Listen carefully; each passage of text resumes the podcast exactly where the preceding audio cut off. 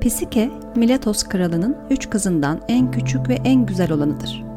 Ablaları da güzeldir ancak Pisike'nin güzelliği çok başkadır. Onun güzelliği çekici, arzu uyandırıcı ve baştan çıkarıcı değildir. Sadece sevgi ve şefkat uyandırıcı da değildir. Onunki sessiz ve dingin, saygı uyandıran ve hatta ürküten bir güzelliktir. Derin bir güzellik duygusu uyandıran erişilmez bir güzelliktir. En güçlüler ve en soylular bile yaklaşmaya çekinirler ona. Miletoslular onun bu esrarengiz güzelliğinin etkisi altındadır. Zamanla Psike, tanrıçalığa doğru yükselen bir ölümlü olarak kutsallık kazanmaya başlar. Onun ünü o derece yaygınlaşır ki insanlar artık Afrodit'in ak göğüsleri üzerine değil de Psike'nin başı üzerine adaklar yapmaya başlarlar. İşte yeni Afrodit, işte eskinin yerini alacak. Onu tapınağından çıkartıp papucunu dama atacak. Bu yeni tanrıça derler. Beklendiği üzere ölümsüz Afrodit kıskançlık krizleri içinde kıvranmaya ve altın tahtını tehdit eden bu esrarengiz güzele acı bir son hazırlamak için düşünmeye başlar. Afrodit, Hermes'ten olan oğlu Eros'u, yani yolculara, müzisyenlere ve ruhlara kılavuzluk yapan Hermes'ten olan oğlu, kanatlı Eros'u Miletos sarayına gönderir. Okunu yayına takarak pusuya yatmasını, Psike'nin çirkin bir yaratıkla göz göze geleceği ana kadar beklemesini, o an geldiğinde de yakıcı okunu Psike'nin kalbine saplamasını ister. Afrodit, güzel Psike'yi çirkinliğe aşık ederek cezalandırmayı ve alay konusu haline getirerek gözden düşürmeyi amaçlar. Tam bu noktada Lesboslu ozan Safo'ya kulak verelim. Eros, en güzeli ölümsüz tanrıların. O Eros ki elini ayağını çözer tanrıların da, insanların da, ellerinden alır akıl ve iradelerini. İşte geldi yine o Eros, elimi kolumu çözen. Hem tatlı hem acı Eros. O karşı gelinmez tanrı yine sarsıyor beni. Okunu yayına takmak için harekete geçen Eros bir anda Piske'yi görür. Elleri titrer, dizleri çözülür, sendeler, kontrolsüz hareketlerle kendinden geçer ve düşer. Kendine geldiğinde de kendi okunu kendi kalbine saplı olarak bulur. Herkes gibi Eros da Psike'nin o erişilmez güzelliği karşısında donup kalır ve Milatos'tan uzaklaşır. Ancak Eros, Psike'nin bu erişilmezliğini aşmak ve ona ulaşmak konusunda sabırlı ve kararlıdır. Tanrı Apollon'dan yardım ister. Eros'u dinleyen Apollon, Miletos kralını huzuruna çağırır ve ona bir öneride bulunur. Kızın Psike'yi Samson Dağı'nın tepesindeki zeytin korusuna bırak. Gece çöktüğünde büyük bir yılan gelip onu eş olarak alıp götürecek ve ondan sonra Miletos'ta her şey yoluna girecek.'' Tanrı Apollon'un sözünü dinleyen kral, Psike'yi Samson Dağı'nın tepesindeki zeytin koruluğundaki bir uçurumun başına bırakarak geri döner. Psike, korku ve endişe içinde dağın tepesinde beklerken uykuya dalar. İşte bu sırada Eros'un arkadaşı olan batı rüzgarı Zefiros, kanatlarını yelpazeleyerek gelir, Psike'yi alır, uzun bir uçuştan sonra cennet vadisinde yemyeşil bir çimenliğin üzerine bırakır.'' Pisike uyandığı zaman muhteşem bir sarayın bahçesinde bulur kendini. Bu düşler sarayında istediği her şeye her zaman ulaşabilmektedir. Sarayın tadını çıkardıktan sonra odasında gelecek olanı beklemek kalmıştır geriye. O sırada yine tatlı bir uyku göz kapaklarına çöker ve kendinden geçer. Bir süre sonra gecenin sessiz karanlığından çıkıp gelen Eros, Piske'nin yatağına girer. Onunla birlikte olur ve gün ağarmadan da çıkıp gider.'' Eros Psike'ye kendini göstermemeyi başarmıştır. Ama Psike artık bir şeyden emindir. Kendisine söz verilen eş büyük bir yılan değil, bir insandır. Eros için Psike artık ulaşılabilir bir aşk olmuş ve Eros amacına ulaşmıştır. Ancak Psike için Eros hala yarısı karanlık bir eştir. Kimliği belirsiz ve tanımsızdır. Eros neden kendini Psike'ye göstermek istememektedir ve neden kendini görmeye çalışmaması için ondan söz almıştır. Günler geçer ve Psike bir gün bir düş görür. Fakat bir türlü etkisinden kurtulamaz. Düşünde kız kardeşleri tarafından kışkırtılır. Ona eşi olduğu söylenen o görünmez kimsenin aslında kılık değiştirebilen kötü niyetli bir büyücü olabileceği fısıldanır. Psike için artık o dingin dönem bitmiştir ve karmaşık duygular içinde çalkalanır. Ve nihayet kararını verir. Bir eline bir lamba, diğerine de bir hançer alarak derin uykuda olan karanlık eşine yaklaşır ve lambayı yüzüne tutar. Işığın altında yılan ya da ejderha gibi bir yaratık değil, lüle lüle saçları, altın rengi teni olan müthiş güzellikte yüzüyle bir tanrı uyumaktadır. Psike şaşkınlık içindedir ve elleri titremeye başlar. Önce hançeri düşürür, sonra da lambadan bir damla kızgın yağ Eros'un omzuna damlar. Eros acıyla uyanır. İhanetin verdiği hayal kırıklığı ile kanat çırparak oradan uzaklaşır ve gözden kaybolur. Eşinin ölümsüz aşk tanrısı Eros olduğunu gören Psike, kendini kemiren korkusunu yenmiş, onu belki de öldürebilecekken son anda gerçek kimliğini anlamıştır. Ancak korkusuyla birlikte aşkı ve saflığı da kaybeder. Derin bir acı hisseder önce ve kendini nehre atıp öldürmek ister. Sonra oturup bir süre sessiz kalır. Tümüyle sessiz ve eylemsiz bir şekilde durur. Bir süre sonra Eros'u tekrar kazanmak için harekete geçer ve bunun yolunun Afrodit'in merhametinden geçtiğini çok iyi bilir. Afrodit, Piske'yi zavallı bir kız konumuna, gerçekten küçültücü bir duruma düşüren zalim bir konuşma yapar. Sonra da Eros'a giden yolu açar. Ancak önüne neredeyse aşılması imkansız sınavlar koyar. İlk sınavı önünde dev bir yığın olarak duran ve karışık halde bulunan buğday, arpa, susam ve afyon tohumlarını bir gün içinde birbirinden ayırmaktır. Çaresizliğin karamsarlığı ile derin bir düşünceye dalar ve zaman akıp gitmektedir. Ama en çaresiz anında bir karınca ordusu ortaya çıkar ve hızla çalışarak işi kısa bir sürede tamamlar. Afrodit hayret ve şaşkınlık içinde kalır. Gecikmeden ikinci sınav gelir. Irmak kıyısında bir alana gidip orada otlayan koçların altın postlarından yün getirmektir bu sınav. Koçlar çok yabanidir, çok da tehlikeli. Yine umutsuzluğa kapılmak üzeredir ki antiloplar çıka gelir. Gündüz saatlerinde koçların yanına yaklaşmamasını söylerler. Oraya karanlık basmadan az önce gitmeli, yere kadar sarkan ağaç dallarına ve kaba dikenlere takılmış yünleri toplamalıdır. Öyle de yapar. Afrodit bu kez daha büyük bir şaşkınlık duygusu içine girer ve Psike'nin bazı gizli güçleri olabileceği konusunda kaygılanmaya başlar. Afrodit ilk sınavda Psike'nin sabrını, ikincisinde cesaretini sınamıştır. Nihayet üçüncü sınav gelir. Bu kez ölüler ülkesi Hades'e inerek Styx ırmağının dev şelalesinin kenarından su almak zorundadır.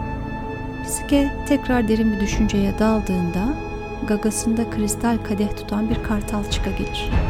Keskin bakışı ile ırmağın neresinden suyu alacağını bilen kartal bir kere de kadehi suya daldırıp doldurur. Son sınava göre de Psike'ye tekrar ölüler ülkesinin yolu görünür. Tartaros'a inerek yeraltı tanrıçası Persephone'nin huzuruna çıkacak ve ondan bir kutu alacaktır. Bu kutu her şeye nüfuz edebilen bir güzellik özüyle doludur ve kesinlikle kapağı açılmadan getirilip Afrodit'e temsil edilmek zorundadır. Bu sınavı geçmek için gereken ipuçlarını ona bir kule söyler. Kuleye göre enerjisini boşuna harcamamalı, kayıkçı için iki adet para, üç başlı kapı bekçisi Kerberos için de iki adet arpa ekmeği götürmelidir. Bu bir irade sınavıdır. Psike bu kez sadece kendisiyle kalmıştır. Gereken tüm aşamaları kendisi yerine getirmelidir. Parasını ödeyerek Karon'un kayığına biner, enerjisini çok az kullanarak ve hiçbir çeldiriciye aldırış etmeyerek Akeron ırmağını kaynayan çamuru geçer ve kapı bekçisini arpa ekmeğiyle oyalayarak Tartaros'a iner ve Persephone'nin karşısına çıkar. Persephone kutuyu Psike'ye verir ve kesinlikle açmaması gerektiğini ona hatırlatır. Psike kutuyu alır ve aynı şekilde yeryüzüne çıkar. Tüm sınavları vererek Eros ile arasındaki tüm engelleri kaldırdığına inanan Psike, Afrodit'in sarayına doğru yol alır. Eros'la karşılaşma anında ona çok daha güzel görünebilmenin imkanını kendi elleri arasında tuttuğunu bilen Psike, kapağı açmadan teslim etmeye kararlıdır.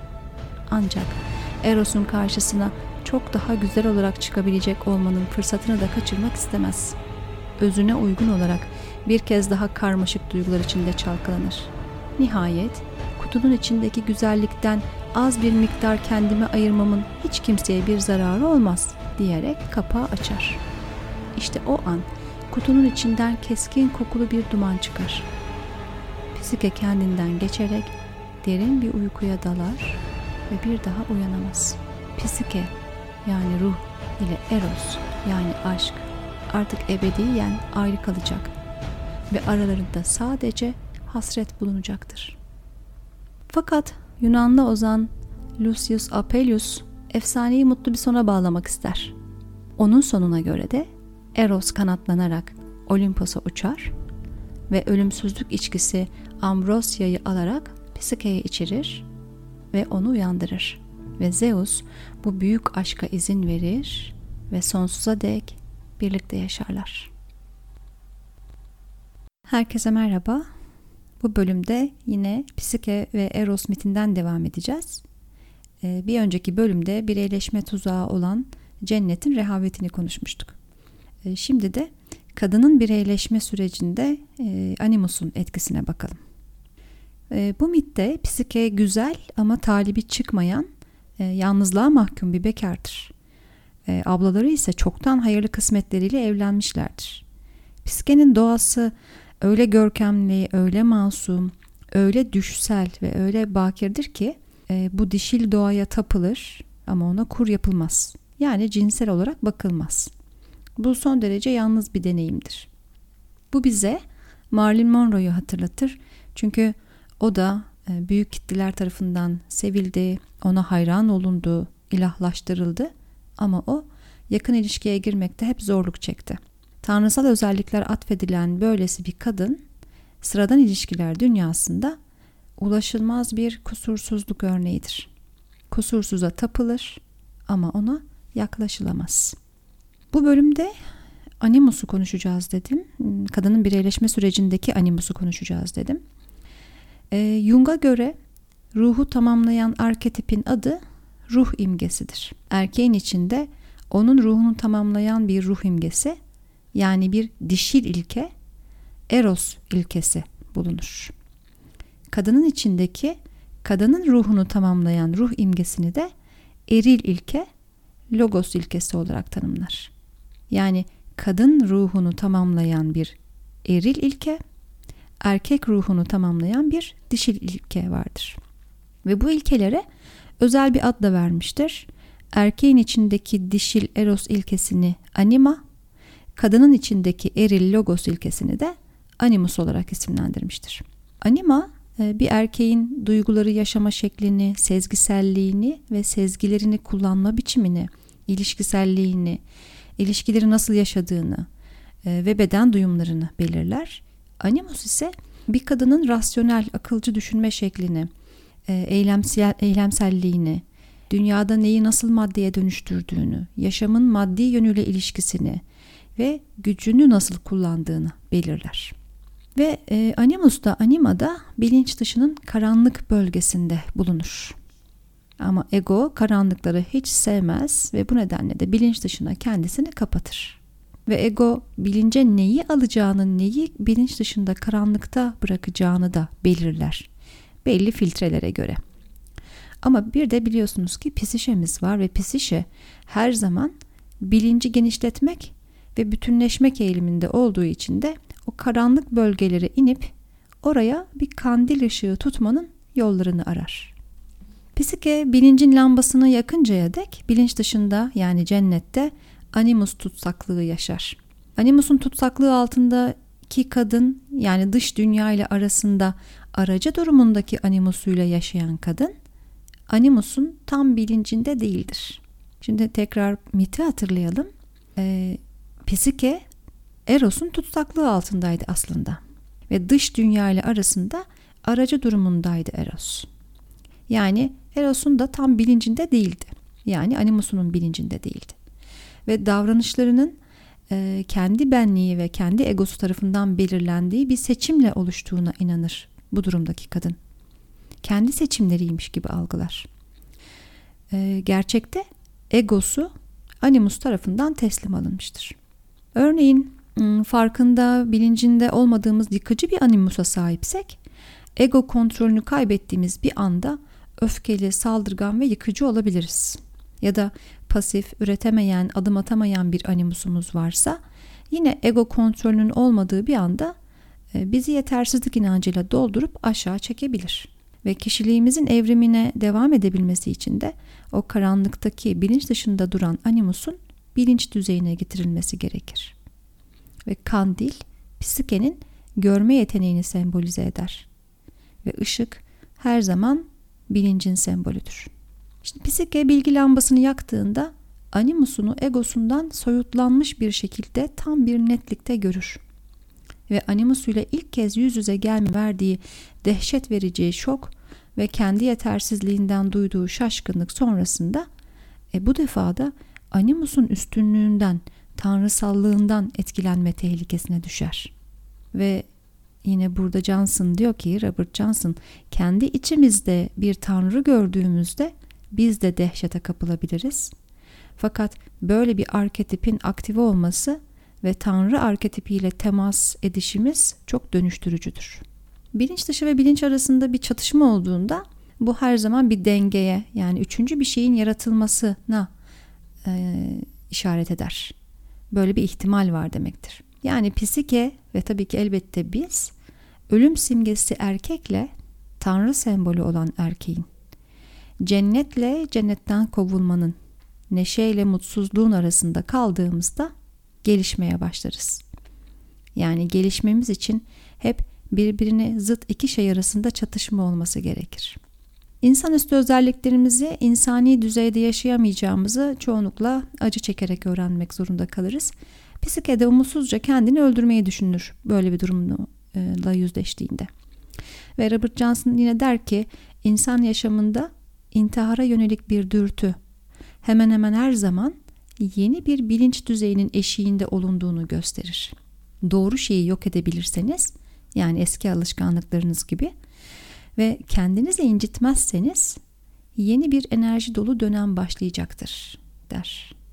Yani ne zaman e, yaşamdan bıktığımızı, artık tat almadığımızı, e, ölmek istediğimizi yani illaki bir intihar planlamak gerekmiyor. Artık yeter yani ölüm gelsin dediğimiz anlarda eğer kendimize zarar vermemeyi başarabilirsek ve bir alışkanlığımızı öldürürsek, kendimiz yerine eski bir alışkanlığımızı öldürürsek işte o zaman yeni ve enerji dolu bir dönem başlayacak demektir diyor. Böyle bir müjde veriyor. E, çoğumuzun aklından bu ölüm fikrinin çok yoğun geçtiği ya da yaşamın anlamsız geldiği, ölüm arzusu duyduğumuz anlar olmuştur. Şimdi bunu e, söylediğimizde hatırlayacaksınız da bunları. Ve bu anlar aslında çok değerlidir. Yani psişenin benliğimizde bir şeyi öldürmemiz gerektiğini söyleme şeklidir. Neyi öldüreceğimizi bulmak da bize kalır. Belki de rüyalarımızdan e, işaret alabiliriz burada. Psike intihar için hissettiklerini atlattığında sessizce oturuyor. Ve biz de işte tüm dengemizi yitirip kendimizi yenik hissettiğimizde ve en çok da ölmek istediğimizde en iyi yol eylemsizlik bir an için. Ve zor şeyler yaşadığımızda eylemsiz kalıp içimizdeki derin mekana çekilebilirsek işte orası bize hazineler vaat eder. Ama elbette hazinelerin koruyucuları ejderhalarla da savaşmak kaçınılmazdır. İşte o ejderhalar öldürmemiz gereken eski alışkanlıklarımız olabilir. Şimdi bitteki o zor görevlere gelelim. Ee, birbirinden ayrılması gereken değişik türde tohumlar. Bu çok müthiş bir sembol. Şimdi bu sembol gündelik hayatın karmaşası içinde birbirinden ayırmamız gereken işleri sembolize ediyor olabilir. Ya da milyonlarca tohumdan en iyisini seçen yumurtamızı anlatıyor olabilir. Karınca doğası kadınlara özgü, ilkel, içgüdüsel, sessiz ve çalışkan bir doğadır. Şimdi erkek doğası dış tehlikelere karşı ailesini korurken kadın doğası da ruhsal dünyanın tehlikelerinden, bunalımlarından iniş çıkışlarından, kırgınlıklarından ve çılgınlıklarından korur. Yani karınca gibi çalışıp her şeyi yerli yerine koymalıyız. Buğdayı arpadan, darıyı mercimekten ayrıştırmalıyız. İkinci görev koç tüyleri ve yine burada erilin, animusun yapısını anlatır. Çünkü animusun yapısı kadın için bir koça benzer. Koç nasıldır? Beklenmedik biçimde ortaya çıkan içgüdüsel, erkeksi temel bir nitelik. Kadın doğamızın içindeki içgüdüsel eril nitelik de böyledir. Ee, bunu e, trafikte, bir plaza toplantısında, bir üretim bandında, kritik bir telefon görüşmesinde ya da bir atölye ortamında böyle içinizden bir anda çıkan o eril gücü hissedip şaşkınlığa uğradığınız zamanlardan hatırlayabilirsiniz. Çünkü bilinç dışının derinliklerindeki güçler doğru biçimde kullanılmazlarsa bilinçli ego her zaman şaşkınlığa ve endişeye kapılır. Güç e, iki kenarlı bir kılıca benzer. Onu ancak ihtiyacımız olduğunda kullanmayı bilmeliyiz. Eğer animusu gölgede bırakırsak işte böyle anlarda içimizden çıkan canavar yıkıcı olabilir. Ama onu ihtiyacımız olduğunda bilinçli bir farkındalıkla kullanırsak yararımıza çalışır. Öfkeyi bilinçli bir şekilde kullanmaktır aslında. Animusu bilinçli bir şekilde animusun güçlerini kullanmak. Ve yine Johnson diyor ki çağdaş kadına yalnızca dala takılan fazlalıkları almak yani eril enerjinin kırıntılarıyla yetinmek katlanılmaz gelebilir. Neden koçu yere devirip postunu yüzdükten sonra bir erkek gibi zaferle şişirmeyelim ki? ee, evet, mit bize gereksinim duyduğumuz kadar güç kullanmamız, güce ölçülü biçimde başvurmamız konusunda tedbirli olmamızı öğütlüyor. Koçla savaşıp tüylerini yolmak yerine dala takılı tüyleri toplamak bir sembol olarak bize şunu söyler. Dişil tarafında kal ve içindeki eril enerjiyi bilinçli ve akıllıca kullan. Üçüncü görev Styx nehrinden su almak. Ee, burada Styx nehri yani nehir, ırmak yaşamı ve ölümü simgeler. Styx tehlikeli yaratıklar tarafından korunur. Ve bu görev bize kadının yaşamın zorluklarına karşı nasıl göğüs germesi gerektiği konusunda bir yöntem verir. Çünkü kadın doğası yaşamdaki tüm olasılıkların zenginliğiyle karşı karşıyadır. Yani biz içimizde o kadar çok yaşama dair olasılık ve zenginlik taşırız ki e, ve hepsiyle de aynı anda başa çıkmak zorunda hissederiz kendimizi. Ama fakat bu mümkün değildir. İşte bu noktada yukarıdan bakan bir kartal gibi belli bir noktaya odaklanmak, sonra da tek bir kadeh suyu doldurmak zorundayız. Yani mit bize şunu söylüyor. Yüksek bir bilinçle yaşanan küçük bir deneyim yeterlidir. Kadeh kristaldi biliyorsunuz. Çabuk kırılan ve çok değerli bir şeydir kristal. İnsan egosu yaşam ırmağının bolluğundan sadece küçük bir miktar alabilen bir kaptır. Ve evet kırılgandır. Dikkatli olunmazsa o incecik kristal kadeh gibi güzel ama tehlikeli olan ırmakta parçalanır. Ego şaşkınlığa uğramadan ve kadehi kırmadan suyu taşımayı öğrenmelidir. Yani bir kadeh almak selde boğulmaktan iyidir. Animus tüm kadınlardaki erkeğe dair ata deneyiminin birikimidir fakat bununla sınırlı değildir. Aynı zamanda e, yaratıcı ve üretken tarafımızdır. Şimdi bir kadının içindeki eril kısım dişil tarafını verimli kılacak güce sahip yaratıcı tohumlar meydana getirir.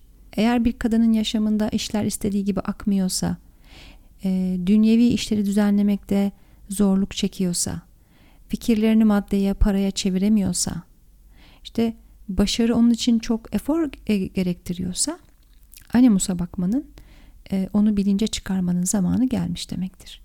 Animus'un görünümlerini bilinçli hale getirerek, yani onları bilinç dışına uzanan köprülere dönüştürerek bunu yapabiliriz. Çünkü içerikleri bilinmez kaldığı sürece bilinçle bütünleşemezler. Ee, peki bu animusun görünümlerini nasıl bilinçli hale getireceğiz? Bunu daha önceki bölümlerde de aslında yeri geldikçe hatırlatıyoruz. Rüyalarla. Bir kadının rüyasında gördüğü eril figürlerdeki özelliklere bakarak, kiminle bütün daha doğrusu kiminle somutlaştığına bakarak, o gördüğü kişi aslında o kişi değil o özellikleri taşıyan animusu olduğunu e, bilerek Hmm, aydınlığa çıkarmalı, bilince çıkarmalıyız. Evet demek ki bizim animusumuzun parçaları, görünümleri böyle. Bunları fark ettikçe bütünleşeceğiz çünkü. Ve Pisişe'nin karanlık arka bahçesinden gelen animus neredeyse sınırsız her şeyi kaplamaya yetecek kadar sayıda şekle bürünür. Yani o kadar çok şekli vardır ki. O yüzden zaten yaratıcılığın kaynağıdır. Ve bilincimizin sınırları genişlettikçe e, sezgiyi, duyguyu rehber alıp akıllıca düşünmeye başladıkça birçok acı ve kaygı yaratan durum yani kendini göstermeye çalışan animus artık tamamlayıcı bir unsura dönüşür. Ve bu noktadan sonra kendi yaşamımızı, kendiliğimiz dediğimiz o muhteşem sanat eserini yaratmaya başlarız. Yine Robert Johnson'ın sözüyle bitirmek istiyorum burada diyor ki animusunuzu gerçek yüzüyle görmeye katlanabiliyorsanız elinizdeki tek şey olan lambayı yani bilinci yakın. İçinizdeki erilin bir tanrı olduğunu göreceksiniz. Büyük olasılıkla umut ettiğiniz gibi cennetteki haliyle değil de o Olimpos'taki tanrısal görkemiyle ve yaşamda daha büyük bir vaat olduğunu sanmıyorum.